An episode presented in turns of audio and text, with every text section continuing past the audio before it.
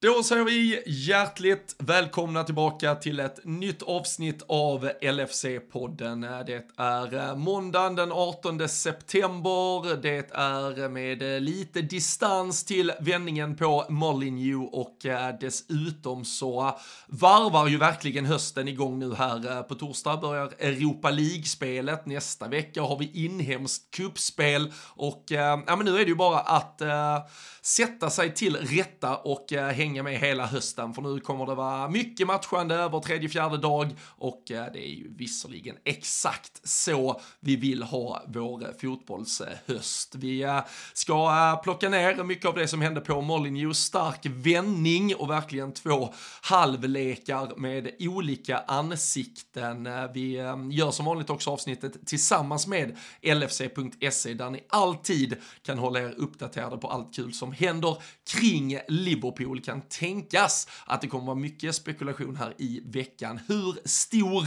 rotationen blir för Liverpools del när man åker till eh, Österrike på eh, torsdag. Och eh, så är det lite ja, men, skadeuppdateringar där man väl får följa. Trent, Konate, Thiago, mycket mer därtill och ja, men allt som rör Liverpool hittar ni på lfc.se så vi är väldigt tacksamma att de är med oss. Och gör det möjligt att LFC-podden rullar vidare vecka efter vecka.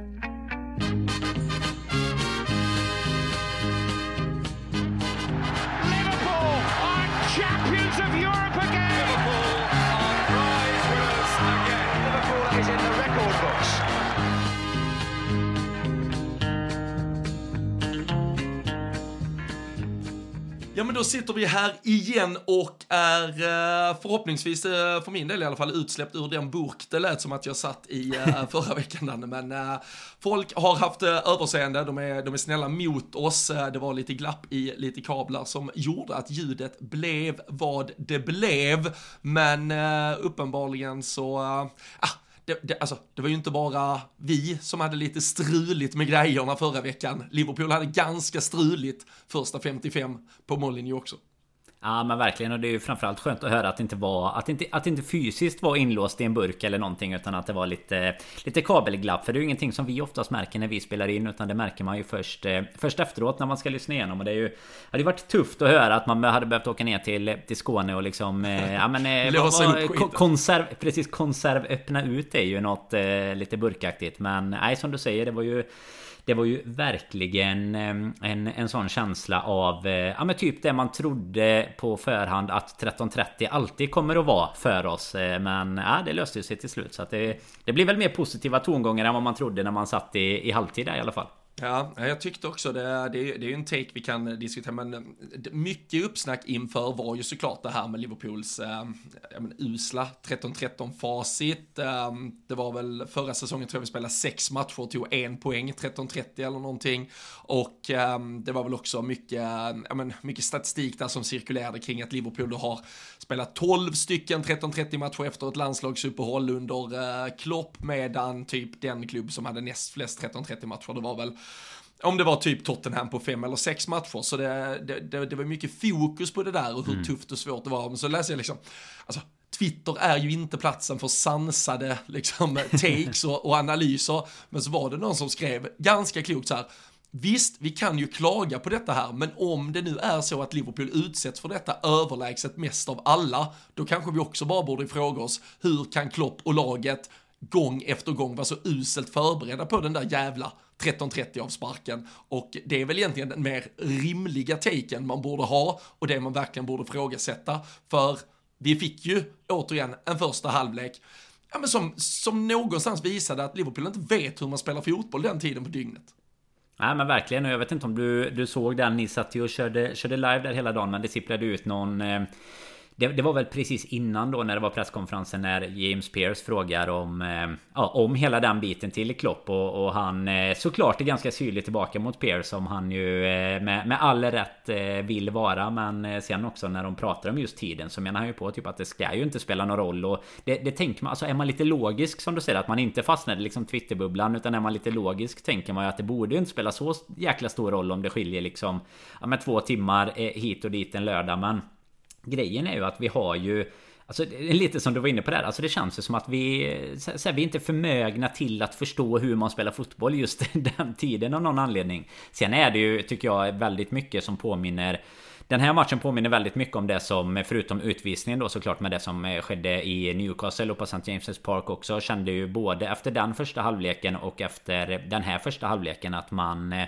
Ja men att man typ inte kan komma ihåg en Kloppe-halvlek som har varit sämre. Men eh, ja, då får man ju liksom vända på det just nu då. och Gå tillbaka till våra mentality monsters och, och ändå känna att okej, okay, vi gör i alla fall någonting rätt där vi lyckas vända på det igen och komma in och tugga oss tillbaka i matchen. För det, det kändes ju verkligen inte så i första. så det var ju både att både att alltså Wolverhampton är mycket hetare på på allt. Alltså de pressar högre. De, alltså vi kunde ju inte ens slå två, tre passningar i, i rad till en början. Man fattar inte alls vad som var påkopplad. Sen då det som som vi var inne lite på innan matchen då när det har varit landslagsuppehåll så så är det väl en sån som McAllister till exempel att det ligger ju uppenbarligen någonting i det här med resande och slitna och sånt för han var ju inte alls att eh, kännas igen på, på mittfältet där. Och kan ju mycket väl bero på, alltså Klopp pratade ju om det i den presskonferensen med att jag liksom inte ens träffat spelarna som, eh, som eh, har spelat i Sydamerika och det är mindre än 24 timmar kvar till match liksom. Och det är klart att det är svårt att, att bara mm, prata om när man tittar på pappret och laguppställningen men eh, ja de är ju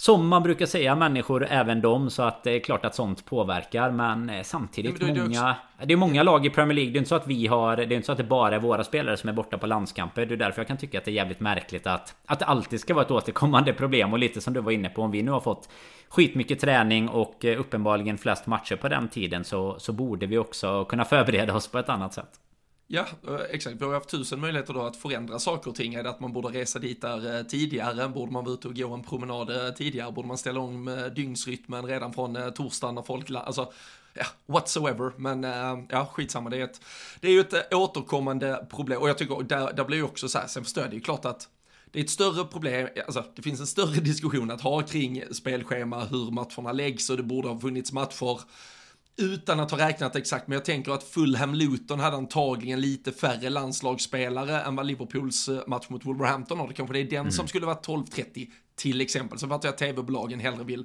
visa Liverpool och så vidare och så vidare. Men skit samma i alla fall. Eh, jag tycker att Liverpool eh, måste sluta. Alltså jag orkar inte höra diskussionen kring en tidig avspark igen i alla fall. Den, den är bara att fimpa för det finns det finns väldigt mycket mer Liverpool hade kunnat göra på egen hand för att uh, förbättra sina ja, utgångslägen och uh, prestationer i de här matcherna. Och om nu McAllister kommer för sent tillbaka, eller väldigt sent, och du vet det ganska tidigt att det kommer bli lite kamp mot ja men då kanske du redan en vecka tidigare eller två borde ha förberett på ett annat, eh, ja men en, en mm. annan mittfältsuppsättning i så fall sen. Så det är klart att i alla drömmars jävla land så är det klart att du ska kunna ta ut dina bästa spelare, spelare. Du har betalat extremt dyrt för varje vecka, men vi vet också hur fotbollsvärlden ser ut, så då får vi också förhålla oss till den så länge vi vill vara en del av den. Men eh, det som eh, såklart ändå stack ut från Liverpools del om man tittar inför matchen det är ju att vi, vi tvingas eh, komponera backlinjen på det sättet som vi gör. Det blev ju den fronttrion du och jag satt och eh, förutspådde.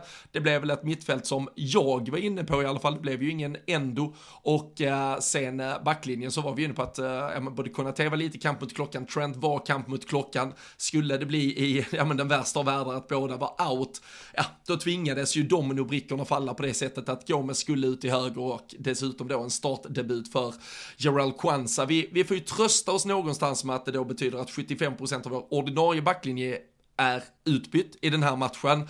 Vi måste samtidigt adressera att det såg exakt likadant ut, precis som du säger, mot Newcastle när ordinarie backar till stor del spelade. Men Pedro Neto såg ju ut som eh, Cristiano Ronaldo i Prime under den här första halvleken och eh, alltså Gomes och Mattias, alltså den förvirringen och att då dessutom kasta på Gerald Kwanza till att försöka vara en del av det uh, försvars, alltså det var, nej det var en körning och det var ett uselt försvarsspel, alltså, och jag tror, alltså, vi, jag vet inte om vi ska vara glada, men hade vi haft tillgängliga backar, då hade de väl rykt allihopa i paus i stort sett. Ja, det var, äh, det var så jävla dåligt det man fick se.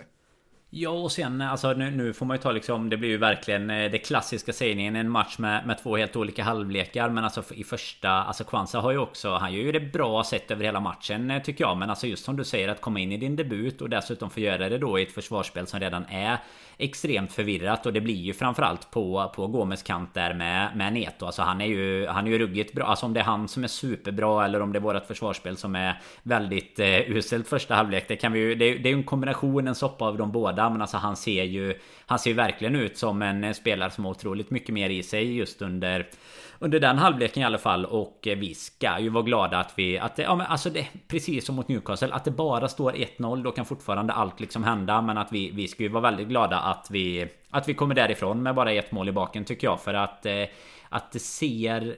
Alltså det är inte bara att de är bra om man säger så att de lyckas skapa lägen utan vi ger ju bort så extremt många lägen i den första halvleken. Och framförallt ger vi bort ytor och, och sånt som liksom inte jag vet inte vad man ska säga, men alltså det ska inte spela någon roll om det är en Joe Gomez eller en Trent nästan. Alltså det finns andra kvaliteter där Trent uppenbart är mycket bättre lämpad för den högerbackspositionen. Men det känns som att vi ibland, alltså lite som du var inne på, det blir en sån förvirring liksom mellan spelarna. Som inte, det ska inte kunna ske på den här nivån. Och då lämnar vi liksom ytor som, eh, ja men som inte man ska kunna få mot, alltså inte mot Liverpool eh, framförallt kanske med med de ambitionerna som vi har men inte i ligan egentligen överhuvudtaget. Så att eh, nej att vi, att vi ändå kan hålla oss kvar i matchen med att det bara är ett mål i baken. Det är ju, det är ju typ det enda positiva vi kan ta med oss från, från den första halvleken.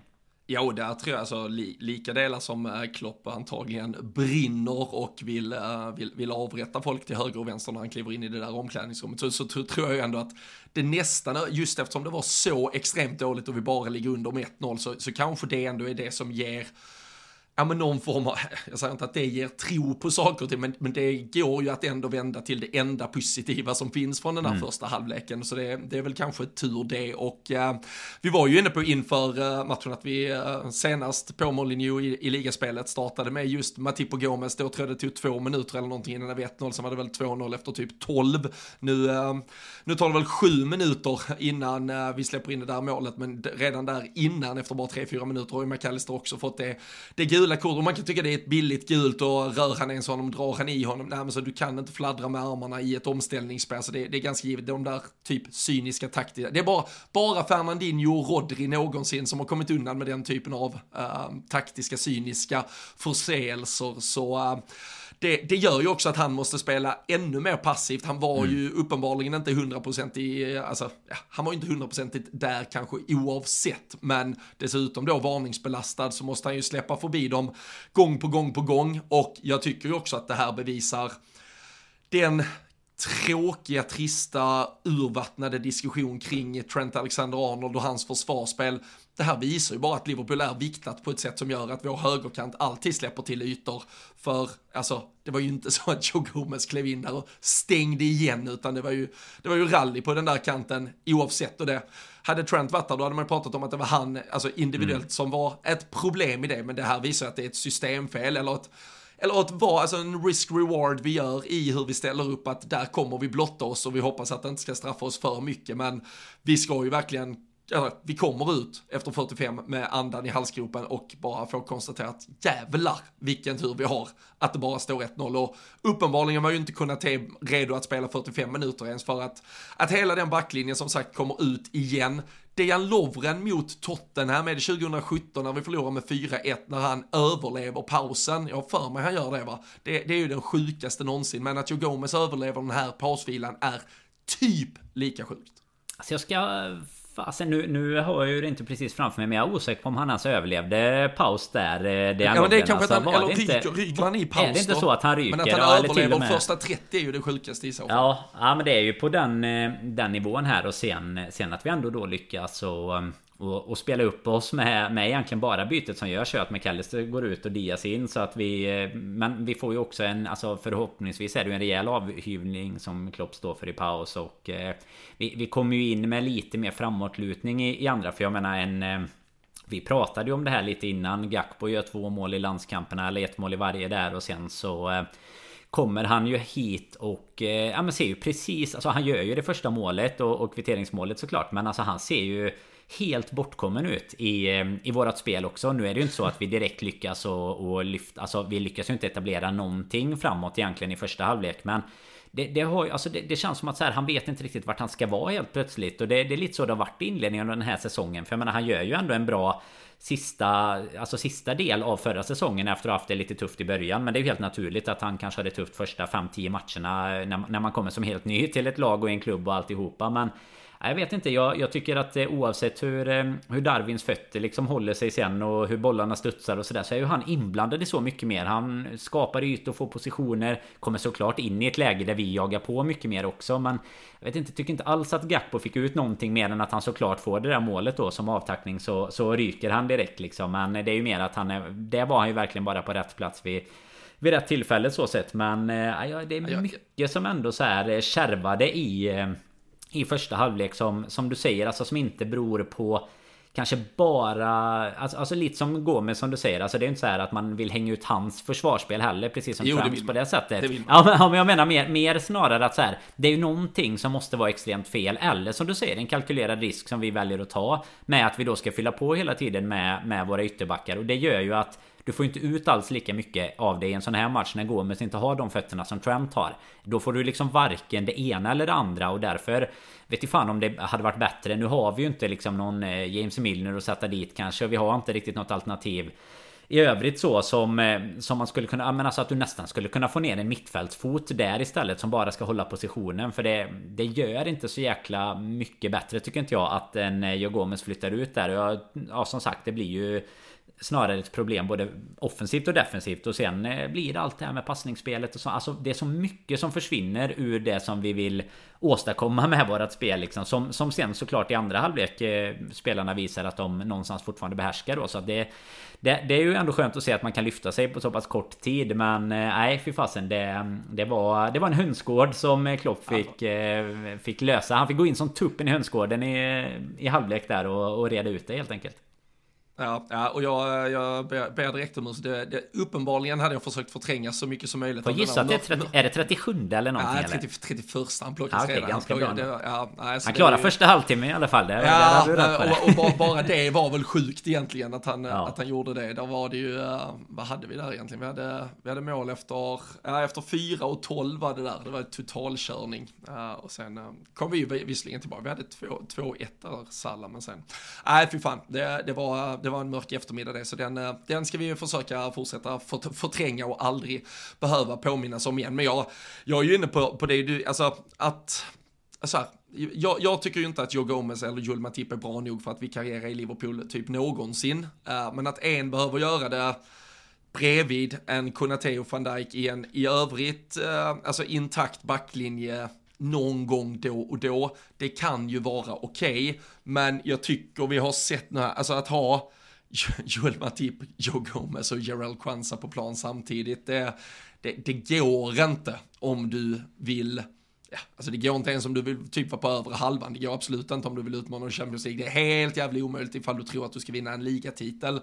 Och jag är väl lite inne på, på det som du nämnde. att om vi nu ändå ska spela ett system där vår högerback framförallt ska kliva upp i en mittfältsroll, då kanske du i den här matchen, så vet man ju inte de exakta fysiska statusarna på spelaren, men vi har ju kvar i 90 minuter på bänken både Vataro Endo och Stefan Bacetic som annars är sexor som, som hade kanske kunnat utgå från den där högerpositionen och kliva upp i en mittfältsroll när, när då den chansen ges och när, när det önskas för uh, nej, det, det var uh, något uh, utöver det vanliga, uh, de där första 45 och så. Och sen, sen som du säger, det, det, vi kan lägga mycket på försvaret och i slutändan kommer vi undan med att bara ligga under med 1-0, men det var ju också det var ju betongfötter på de flesta eh, framåt också och eh, Cody Gakpo har ju, han har ju tur som överlever fram till att han hinner peta in ett mål men mm. att, eh, att han skulle vara bland de första ut i eh, andra halvlek det var ju ganska givet och eh, alltså det är ju såklart superskönt för honom att känna att han lämnar matchen med det där målet men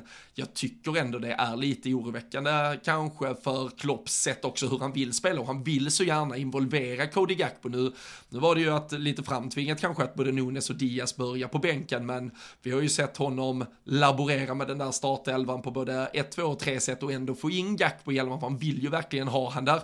Men mm. hans säsongsinledning om vi tittar på nästan alla de offensiva spelarna så är det väl han som har presterat svagast av alla egentligen. Ja men absolut, det tycker jag. Och vi var inne på det lite inför matchen här också att vi antagligen hade sett eh, eller fått se den här fronttrion och det var väl Ja såklart mycket på grund av, av det här med landskamperna och så men eh, tittade man på, på försäsongen då eh, kändes det som att alla var ruggigt heta och, och verkligen hade hittat in. Alltså då hade ju även en Gakpo hittat en position eh, även när han spelade på mittfältet där han ändå var ganska involverad liksom. Men eh, nej inte, inte alls funkat här i de första nu då fem matcherna även om han som vi är inne på här och får, får målet till slut. Sen får han ju lämna samtidigt som eh, Jota där direkt efter både Elliot och Nunes in istället. Och det blir ju Alltså baserat på hur både givetvis resultatet och matchen sen ter sig så blir det ju också extremt mycket bättre. En Diaz eh, kommer ju såklart in och bidrar med sitt med men det, ja, det, det är ju svårt tycker jag att argumentera. Nu, nu är det såklart en Europa League-match här först eh, mot eh, Lask i, i veckan men eh, går vi till West Ham sen i helgen. Ett West Ham som ju ja, jag ska inte säga att de utmanade City riktigt. De hade ju ledningen och, och tappade sen. Men, men i alla fall har börjat eh, säsongen riktigt bra i övrigt. Då eh,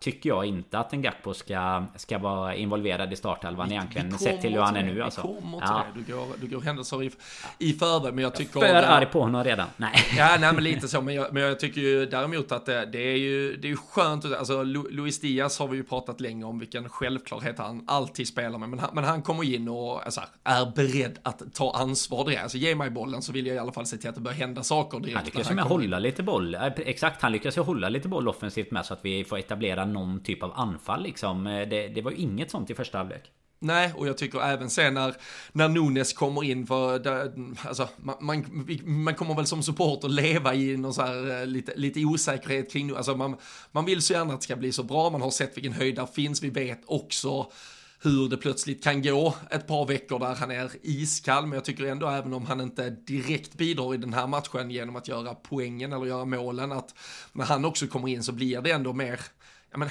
det blir livligare i Wolverhampton. Det blir mycket mer för dem att tänka på. Det blir mer ytor som därmed öppnas för, för Sala och övriga som kan löpa lite i ytor som, som öppnas upp. Så, så jag tycker att Nunes också gör ett fint inhopp.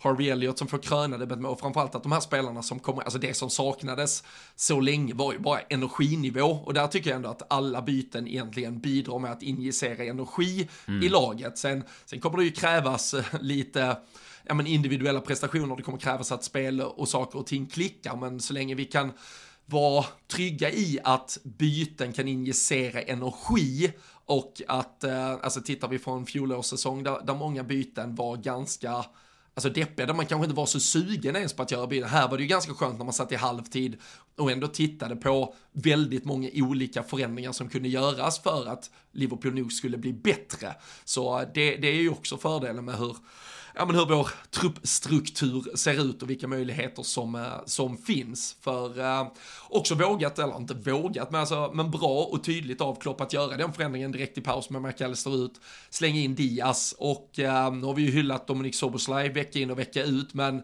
att då ge honom en lite annan roll och någonstans kanske det är att man förklarar för honom att ja, men nu ligger det lite på dig att styra upp det här jävla mittfältet. Du har 45 minuter på dig att vända den här matchen, lös det. Och jag tycker han står där ute i andra halvlek och tar ansvar från att den blåses igång i stort sett tills att den går i mål och är den som vill, är den som driver. Han är i båda riktningar, både upp och ner, extremt självklar i allt han gör och han fortsätter bara växa, alltså vecka för vecka i den där Liverpool-tröjan och äh, även om det är Robertson som bär kaptensbindeln så, så tycker jag att det blir lite av en kaptensinsats från Soboslaj här också, äh, även på mållinjen.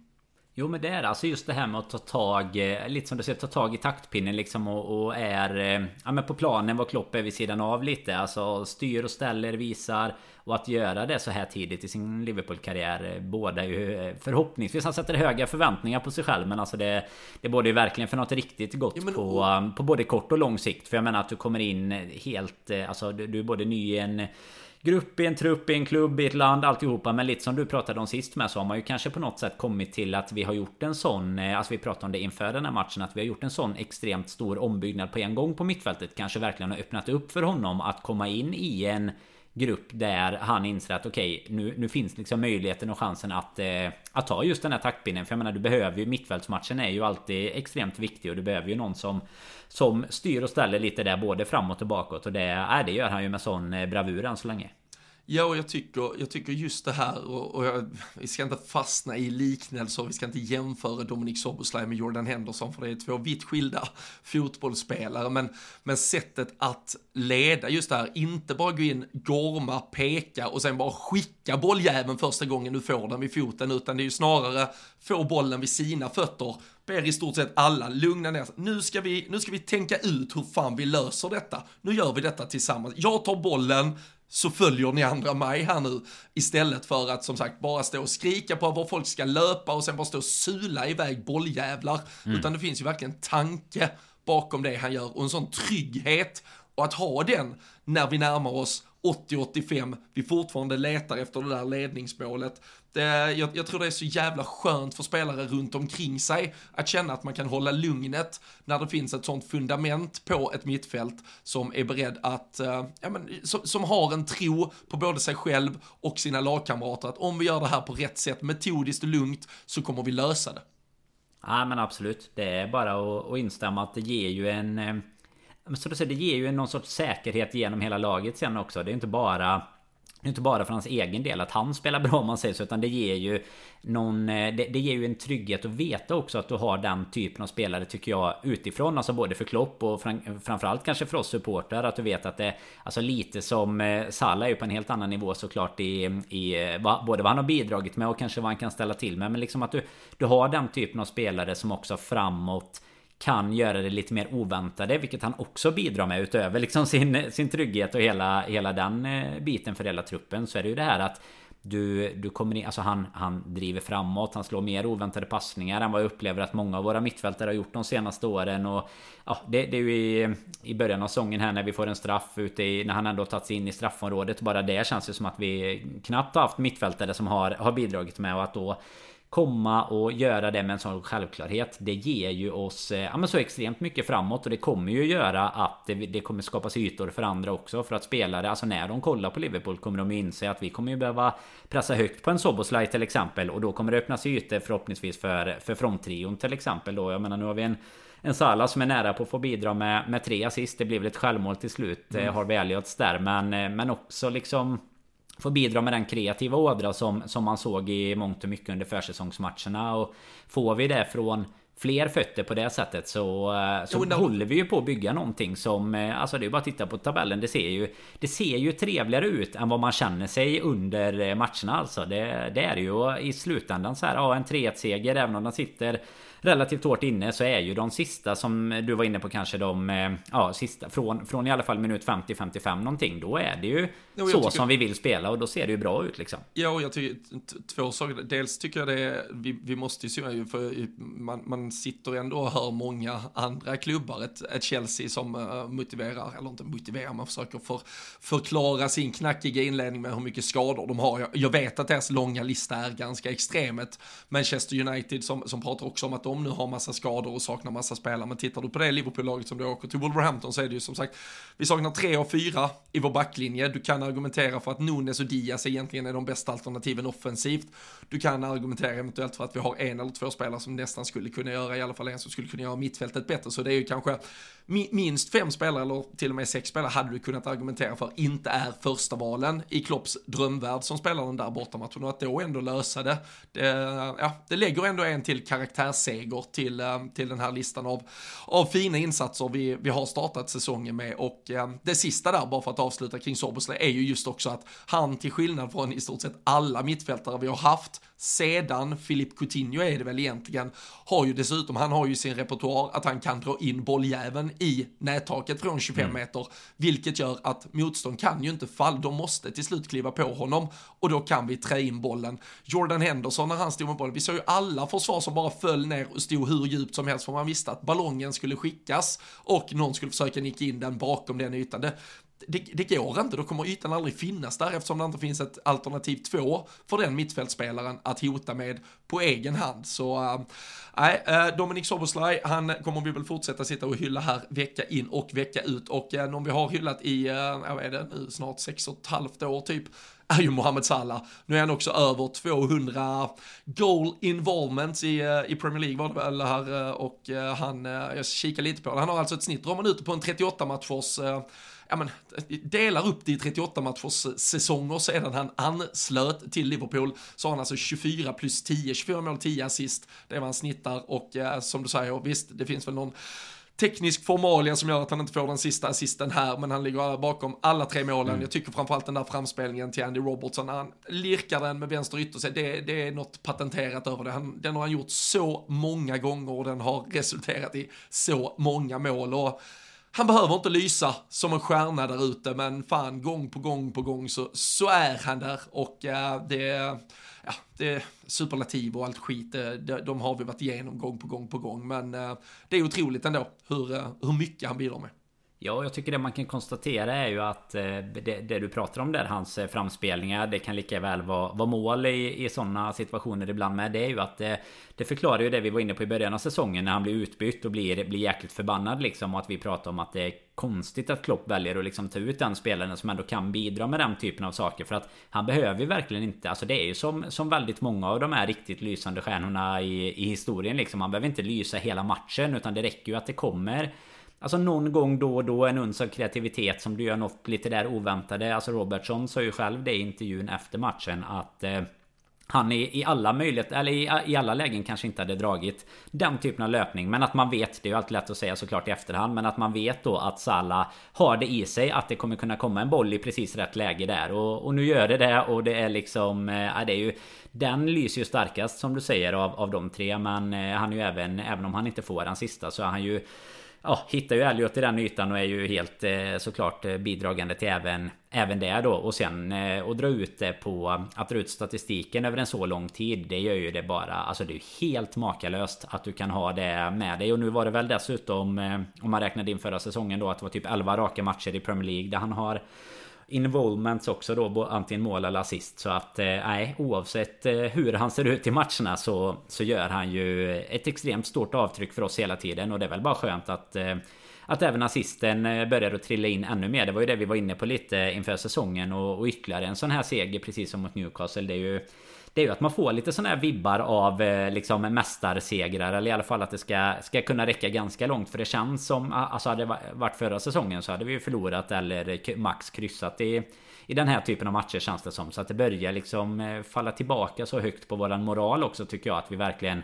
Ja men inte bara typ inte nöjer oss med 1 Det hade man väl aldrig sett oss göra liksom på det läget. Men att vi också lyckas och, och få in de där bollarna. Att vi lyckas och skapa chanser. För jag menar ta oss från den första halvleken där vi inte ens kan hålla bollen tre passningar inom laget. Till att faktiskt lyckas trycka ner Wolverhampton som... Eh, ah, som såklart inte har börjat säsongen särskilt bra. Men som eh, med, med 10 minuter kvar har eh, ett poäng hemma mot Liverpool. Då, då tänker man ju ändå att de ska kunna tappa igen så gott de kan. Men eh, att vi är tillbaka på den nivån där vi känner att vi, att vi faktiskt kan prestera i de lägena. Det är ju någonting som vi verkligen kommer kunna bygga vidare på ja, med resten av säsongen. Och sen att dessutom då få in ett, ett 3-1 mål och fira lite med publiken. Det är ju det är, ju, det är hela bara ännu finare.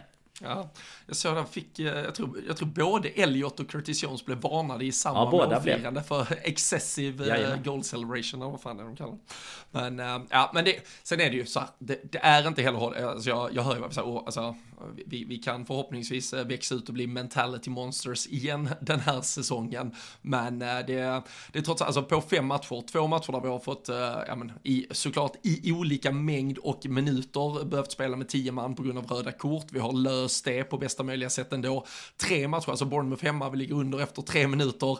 Wolves här, vi ligger under efter sju minuter. Newcastle tog det väl 20-25 innan vi låg under, men då hade vi ju varit fullständigt utspelade och avklädda en, äh, men, äh, varenda minut fram tills dess egentligen. Vi, vi såg ju det gång på gång på gång förra säsongen och det var väl stunder där vi hade, vad hade vi till slut? Hade vi 10-15 matcher där vi hade legat under och liksom släppt in första målet de första 20 minuterna. Typ det, vi, vi, måste komma ut och kontrollera, vi måste få en lite, alltså, matchen mot Aston Villa är ju, alltså, ska, du, ska du över 38 omgångar vinna merparten av dina matcher mot lag som du förväntas vinna över så måste man ha, vi måste ha lite fler Aston Villa-segrar och lite mm. färre Wolverhampton-segrar, tror jag, för att man ska orka. Sen är det otroligt starkt att ta de här segrarna, men det kan inte, det kan inte någonstans bli normaliteten att det är på det här sättet vi ska vinna fotbollsmatcher, för då, då gör du inte det över tid. Det kommer till slut vara något jävla lag. Det kommer bli en, en Bournemouth borta från förra året där det istället blir 1-0 och du bränner en straff eh, så att allting skiter sig liksom. Nej men så är det ju garanterat. Det, det håller ju inte. Alltså nu att vi har gjort det i båda de matcherna som mot Newcastle och, och Wolves här eh, så... Eh, Ja, men som sagt att, att de poängen då trillar in Det gör ju att man i alla fall får upp eh, ett mycket extra hopp som man har haft Alltså som om man går tillbaks till de bättre åren under Klopp Där vi vann liksom eh, 2-1 segrarna vi, vi gnetade in det i slutet. Men vi har gjort det på ett helt annat sätt som du säger i, eh, i starten av matcherna nu. Då släppte vi ju sällan in ett första mål. Då kanske vi gjorde ett första mål Sen var vi inte riktigt påkopplade i början på andra halvlek Släppte in ett mål och så lyckades vi ta oss ur matchen med en 2-1 sen. Jag menar vi kan ju inte alltid påbörja, påbörja matcherna så här Som vi har pratat om så mycket i ett års tid minst i alla fall. Alltså att vi ska påbörja matcherna med, med en 0-1 eh, för våran del då direkt och sen behöva jobba liksom i någon sorts uppförsbacke. Det kommer ju inte hålla så att eh, Nej, lite mer. Det är väl bra för eh, supporterhjärtat med förhoppningsvis. Man kanske får några år extra om man får lite mer Aston Villa-segrar istället för att man ska behöva liksom både ja, bli för, förtvivlad, förbannad och allt möjligt i första halvlek för att sen vara, vara liksom i lyckorus efter andra istället. Men eh, nej, jag tror också att vi behöver bara hitta in i, alltså man, man behöver verkligen hitta in i att vi, alltså nu, nu som du var inne på, alltså att vi spelar med 75% av eh, ordinarie backlinje borta här. Alltså vi, vi, behöver ju få någon typ av kontinuitet som är svårt alltså vi... att få med våra problem som vi har haft i backlinjen. Och det är ju tyvärr ofta så det har sett ut. Vi hade ju kanske börjat förstärka det. Nu står vi med det vi gör. Men kommer vi in i någon typ av kontinuitet så kommer vi förhoppningsvis i alla fall komma ifrån den, eh, de starterna på matcherna. Men eh, vi, vi har ju inte direkt bevisat att vi har lärt oss något av misstagen Nej. under väldigt lång tid nu. Nej, lite så. Och som sagt, alltså att att vi har 13 poäng på de här fem första, tittar man spelschemat så, så är det så pass tufft. Så jag tycker att 13 poäng är extremt bra att man har löst. Och lägger man på utgångslägena det har blivit skador inför uh, röda kort under uh, underläge som vi då vänder till sig. Alltså otroligt starka fem första, men som sagt vi behöver ha fler matcher där det bara promeneras in tre poängar och nu är det ju Ligaspelsmässigt så är det, så är det West Ham eh, hemma på söndag, sen har vi eh, bortamatcher mot eh, Tottenham och Brighton, det som väntar därefter. Så det, det är ju ett spelschema som också tuffas till. Fast att man känner att det har varit lite halvtufft redan så, så blir det tuffare. Sen, sen kikar jag, om vi går långt fram så är det väl ungefär efter dem så väntar väl en tre, fyra, visserligen ett derby som vi vet lever sina egna liv, men sen kommer några, några Nottingham och några Luton och, eh, och lite annat, men eh, vi vet att det inte finns lätta matcher i den här serien. Mot, eh, mot eh, Lask eh, här på torsdag så kan vi väl eh, förvänta oss ett Liverpool som, ja, där det roterar, kanske då inte att det roterar så mycket med tanke på att den här backlinjen snarare kanske är den som borde spela ungefär på torsdag för att sen inte spela på söndag. Om, eh, ja, van Dijk kan vi konstatera, han kommer ju vara tillbaka, det var ju det röda kortet som har hållit han borta. Och eh, det har varit ganska kul att följa under helgen. Eh, framförallt eh, Liverpool-konton på Twitter som har lite för mycket fritid, men som har klippt ihop compilations då på andra spelare i Premier League som svär åt domaren. Och eh, skulle alla få en matchs avstängning 100 000 i böter, då, eh, då hade det tickat in mycket pengar och vi hade haft väldigt få spelare till spel kommande veckor. Så eh, det är ju en liten parodi i sig att eh, man väljer att hantera det på det sättet. Ja men verkligen det är väl som du säger det blir en, en kombination av, av lite för mycket fritid och ja men att det blir det, det, blir väl det här att många tycker att vi får så extremt mycket emot just oss hela tiden och då äh, ska man hitta varenda grej. Det var väl äh, sista igår var väl äh, Pickford där det syns ju ja, väldigt tydligt att det Vad han säger. Vi vilka ord han säger. Ja. Vi ska inte säga. Nej. Men, men om vi kanske då om vi blickar framåt då. Vi kan väl direkt meddela här med tanke på att det är match torsdag kväll och vi sen spelar igen söndag så hade det betytt att vi skulle trycka in något avsnitt fredag. Det hade först blivit fredag eftermiddag, det hade kommit ut fredag kväll det blir tajt och svårt, utan vi, eh, det blir ett litet paket med Lask och West Ham som vi sen plockar ner nästa måndag istället. Eh, lite beroende på vilken typ av kanske vikt de där Europa League-matcherna längre fram kommer ha så kommer vi väl kanske lägga om den planeringen. Men eh, om vi då kombinerar oss eh, fram lite till eh, två potentiella startelvor så tänker väl jag i alla fall att eh, Kelleher går in på, på torsdag. Jag tänker att eh, Kwanza, Matip och Gomes är kvar i backlinjen, men att Costa Simikas kastas in. Jag eh, kan väl se framför mig att en eh, Vataro Endo eh, får speltid, att eh, kanske Ryan Gravenberg får sin första start, fick ju sina första minuter på Molineux. Eh, Harvey Elliott kanske stannar kvar på det där mittfältet också efter sitt fina inhopp. Och eh, offensivt så, så har vi ju med Ben Doak i eh, truppen, kan väl eh, mycket väl få chansen och lite beroende på hur mycket man vill ja, spela igång då både Darwin Nunes och Luis Diaz efter att de spelade mindre nu här och först kom tillbaka från eh, landslagssamlingarna ganska sent, så kanske de får starten, eventuellt att man spelar Diaz, eh, i alla fall beroende på hur mycket Nunes klarar, orkar. Det var ju lite rykten om lite muskelkänningar. Cody Gakpo, om han då inte ska spela mot West Ham, kanske det är han som går in på torsdag istället.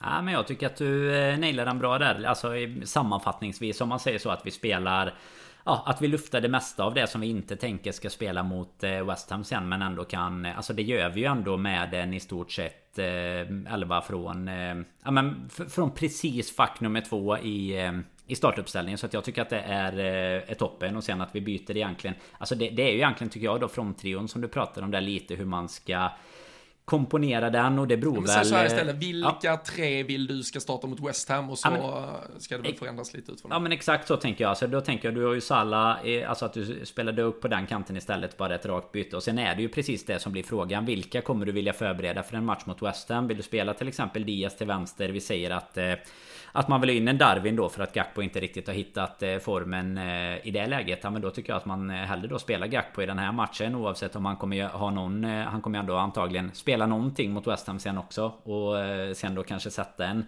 Jag hade ju kanske hellre då sett att du bara körde till exempel då Jota och Gakpo nu igen precis som vi gjorde i sista matchen om de nu inte ska spela nästa så lägga det pusslet helt enkelt efter att ha dem så tillgängliga som möjligt sen till, eh, till helgen. För det blir som sagt ingen, eh, ingen busenkel match det heller.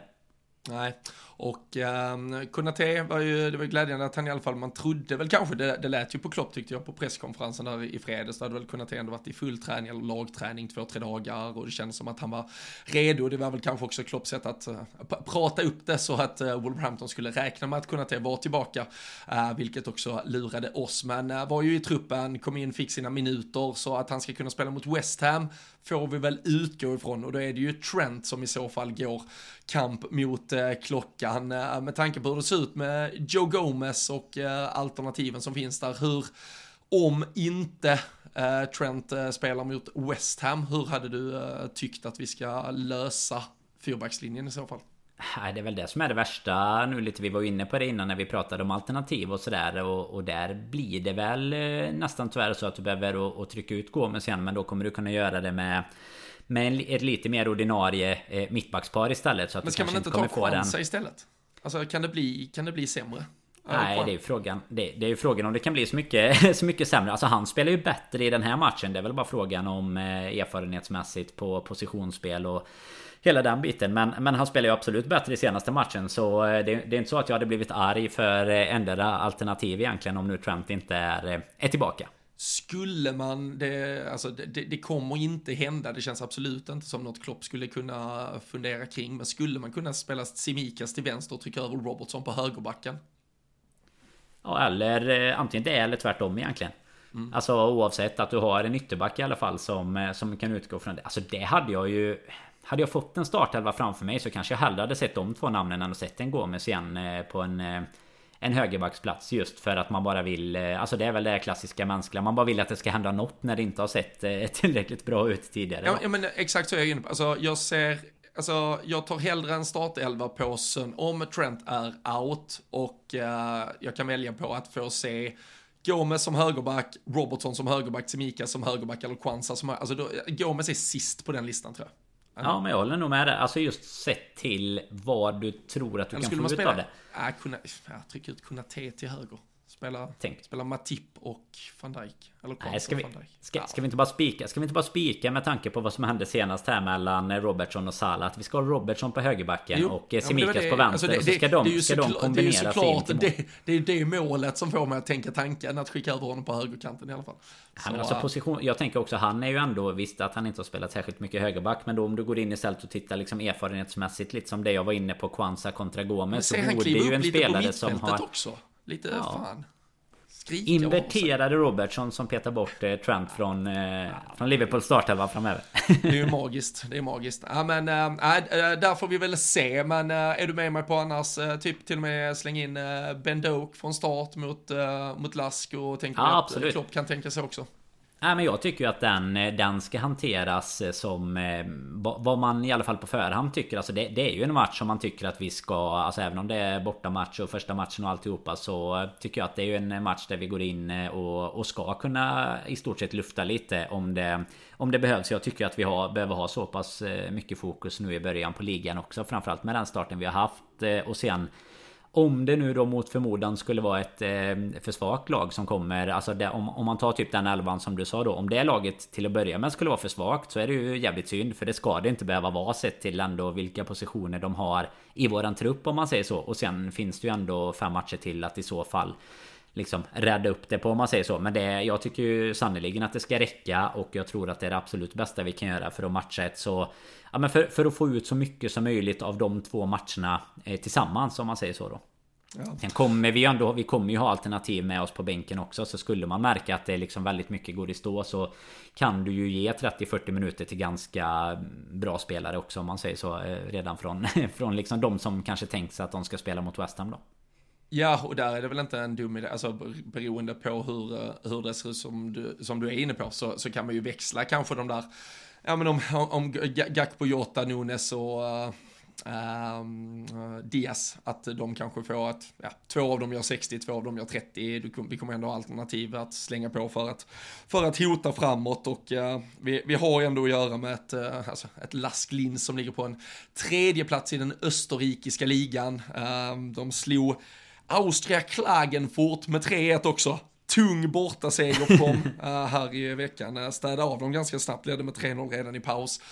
Um, det är ju klart att det är klart att match hemma mot Liverpool i ett Europaspel, det kommer att vara typ uh, den största matchen någonsin för de här spelarna, men snabb blick på elvan och truppen så är det ju inte, ja, det är ju inte en gubbe vi någonsin har hört talas om och antagligen inte en gubbe vi kommer någonsin att höra talas om. Så att, att Liverpool inte ska ställa upp eller kunna ställa upp en ganska B-betonad elva och ändå ha alla förutsättningar som finns att åka dit och vinna. Det, eh, det är såklart, äh, men så ska det såklart kunna vara. Och, äh, och till och med är det ju så, det, alltså just med tanke på hur otroligt tråkig och svag på pappret i alla fall Europa League-grupp vi har så kommer det ju typ också räcka med, alltså vi kan ju till och med åka och spela lika på våra bortamatcher och så städar vi av dem de tre lagen vi har på hemmaplan så vinner vi antagligen den här gruppen. Så det, vi måste, alltså för ska det finnas något positivt och det är ju verkligen att greppa halmstrå kring att vi spelar i Europa League så är det ju att verkligen alltså hela tiden lufta trupp, att hela tiden rotera, att inte stå där inför West Ham på söndag och klaga på att många spelare är trötta, utan vi ska i stort sett, de elva som ska spela mot West Ham ska inte ha behövt på något sätt fysiskt påverkats av att vi hade Europaspel i veckan i alla fall. Nej men det är, det är lite det jag är inne på med att jag håller med dig att det, vi måste liksom använda våran eh, trupp i ett sånt här läge. Hade vi haft eh, Bayern München i veckan istället liksom Då hade det varit att du hade velat spela ditt eh, Nej men din, ditt eh, maxade lag egentligen Samma lag i stort sett som ska spela mot West Ham sen och då kanske du snarare hade behövt göra en, två, tre förändringar till Bayern och sen hade du behövt göra lika många förändringar till, till West Ham. Så att jag menar nu, nu ska vi ju kunna arbeta med eh, med det vi har lite utanför eh, de, den yppersta världsklassen om man säger så. Och, eh, och ändå kunna ta oss ur det på ett bra sätt. Och lite som, eh, som du är inne på det med, med bortamatcherna kontra hemmamatcherna och lite som jag var inne på så tror jag att skulle det nu då mot förmodan vara så att de, de lyckas få med sig något i, i den typen av match. Man vet ju att motivationen, alltså Någonstans blir den ju lite högre kanske på de lagen som möter Liverpool Lite som du var inne på där. Det blir den största matchen kanske under Vissa av spelarnas karriärer absolut. Och då um, Alltså då, då har vi ändå fem matcher kvar sen att eh, lyckas vända det på. Och lite som du är inne vi, vi har inte heller Två ytterligare lag som man känner i, i gruppen i övrigt. Alltså att detta skulle vara någon slagpåse Utan det är snarare att det är tre lag som vi på pappret i alla fall ska ha ganska komfortabla matcher mot både hemma och borta. Och då, då har man ju faktiskt råd även om vi skulle tappa någonting. Så nej, absolut satsa fullt på, på West Ham och nyttja typ Europa League till att, eh, ja, att både spela mycket av eh, de andra spelarna men även att vi ska kunna liksom optimera ligaspelet i, i slutändan tycker jag. För vi ska ju ta oss vidare och det är såklart att det ska vara ett fokus men vi ska inte behöva göra det på bekostnad som man kanske ibland då får göra med ett, eh, ett Champions League-gruppspel på bekostnad av att det blir lite hafsande i ligan samtidigt sådär men Nej, jag tror att eh, vi har eh, minst ett mål på Bandoke i alla fall på torsdag. Ja. Vet du eh, när vi senast eh, spelade en Europa League-match? När vi senast spelade en Europa League-match, är det finalen eller? Ja, det måste det vara. Ja, det måste jag, det väl vara. Det har väl varit Champions League sen dess? Jag, jag, jag, tog det. Ja, men alltså året efter, eftersom vi eh, förlorade finalen och vi hade ju gett upp ligaspelet hela den där våren, så vi var ju utanför Europa en säsong när vi sen ja, tog oss tillbaka till Champions League. Men sedan dess har det varit Champions League. Så, så senast var när Jonas Eriksson blåste oss på en Europa League-titel i Basel. Men uh, nu är vi tillbaka, så det är bara att gå uh, hela vägen och uh, vinna skiten. jag såg det någon, om man ska ta, jag såg om man ska ta det som något positivt också, så såg jag att det var någon som la upp det igår, typ att nu är det, nu är det dags att gå mot pokalen som är den enda som Klopp saknar i Liverpool, ja, tränarkläderna. Ja, så det är ju för att ja, verkligen komplettera. Ja, ja, jag såg det. Det är också så här, motståndarsupportrar som ska sjunga om att ja, ni är Europa League, vi är Champions League och så här, ja men ni kan ju inte, ni, ni kommer aldrig vinna, det är inte så att Manchester United kommer att vinna Champions League eller att Tottenham kommer att vinna Champions League. Så var ni där, se och lär, turista lite, hör av er när ni har åkt ut i åttondelsfinal och så eh, går vi och vinner Europa League istället. Det, det tycker jag är en, en schysst deal framåt. Men eh, vi, vi hoppas framförallt att Trent eh, är tillbaka snart. Det är väl det enda ja, men lite viktiga nu. Thiago ska ju vara väldigt nära också, men det, det känns ju som att, ja, och det var vi ju inne på redan innan, han är ju han är bara ren och skär lyx, de eventuella ja, handfulla gånger vi kommer kunna använda honom under säsongen. För nu ser man ju inte heller, även en fullt frisk och helt ordinarie och redo Thiago, jag vet inte om jag ser en plats till honom på ett mittfält för Liverpool just nu.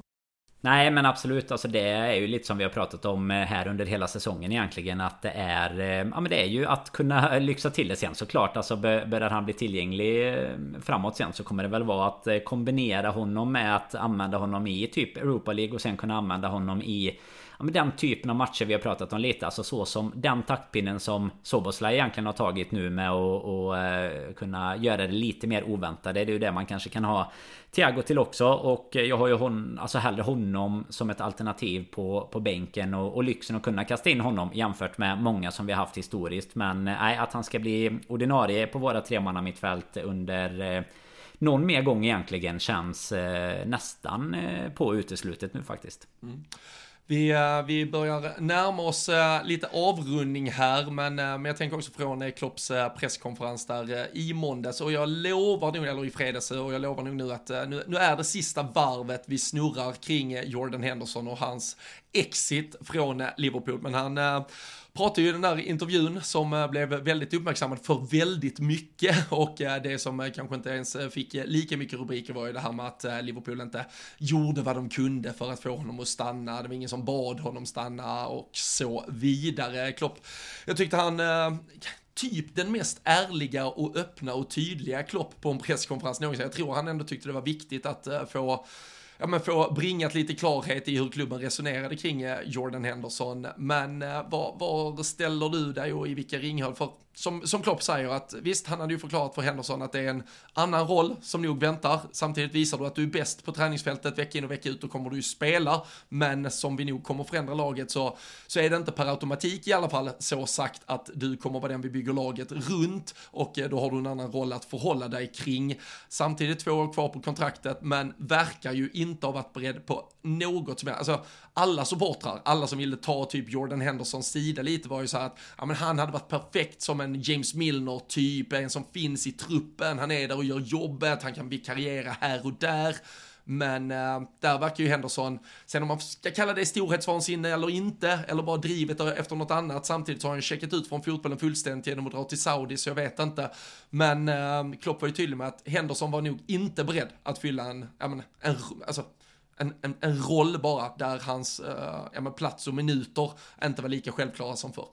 Nej, och det som du är inne lite på där, alltså det jag tycker blir någon sorts nyckelfas av det hela är ju att man märker ju tydligt att det är han själv som väljer att inte vara det. Jag menar det är många som säger att ja, det hade varit perfekt och det, det tycker jag också att det hade kunnat vara jättebra med honom i truppen på det sättet liksom. Men uppenbarligen var han ju inte beredd att eh, axla den rollen och det finns ju ingen knappt tror jag som kan sitta och säga att man tycker att han skulle spela 38 av 38 ligamatcher från start heller. Eh, framförallt inte med tanke på vilka värvningar vi gör. Men jag menar vi har ju även pratat om det innan vi hade gjort en enda värvning att det är mittfältet som behöver byggas om och det behöver byggas om nu. Så att eh, den rollen han eventuellt hade kunnat ha kvar då Det är ju den som eh, ja, men Som kanske Thiago kommer ha nu eller som James Milner har haft liksom att du kommer kunna Variera beroende på motstånd. Du kommer få en del minuter men eh, Sen då så, så är det väl som Klopp säger egentligen Han måste ju han måste ju berätta det och eh, det, då får ju Henderson liksom anpassa sig efter det och det, Då valde han ju inte inte ta den möjligheten om man säger så För det är ju ändå det som du säger Han checkar ju ut på ett annat sätt när du går till Saudi med jämfört med om du hade valt att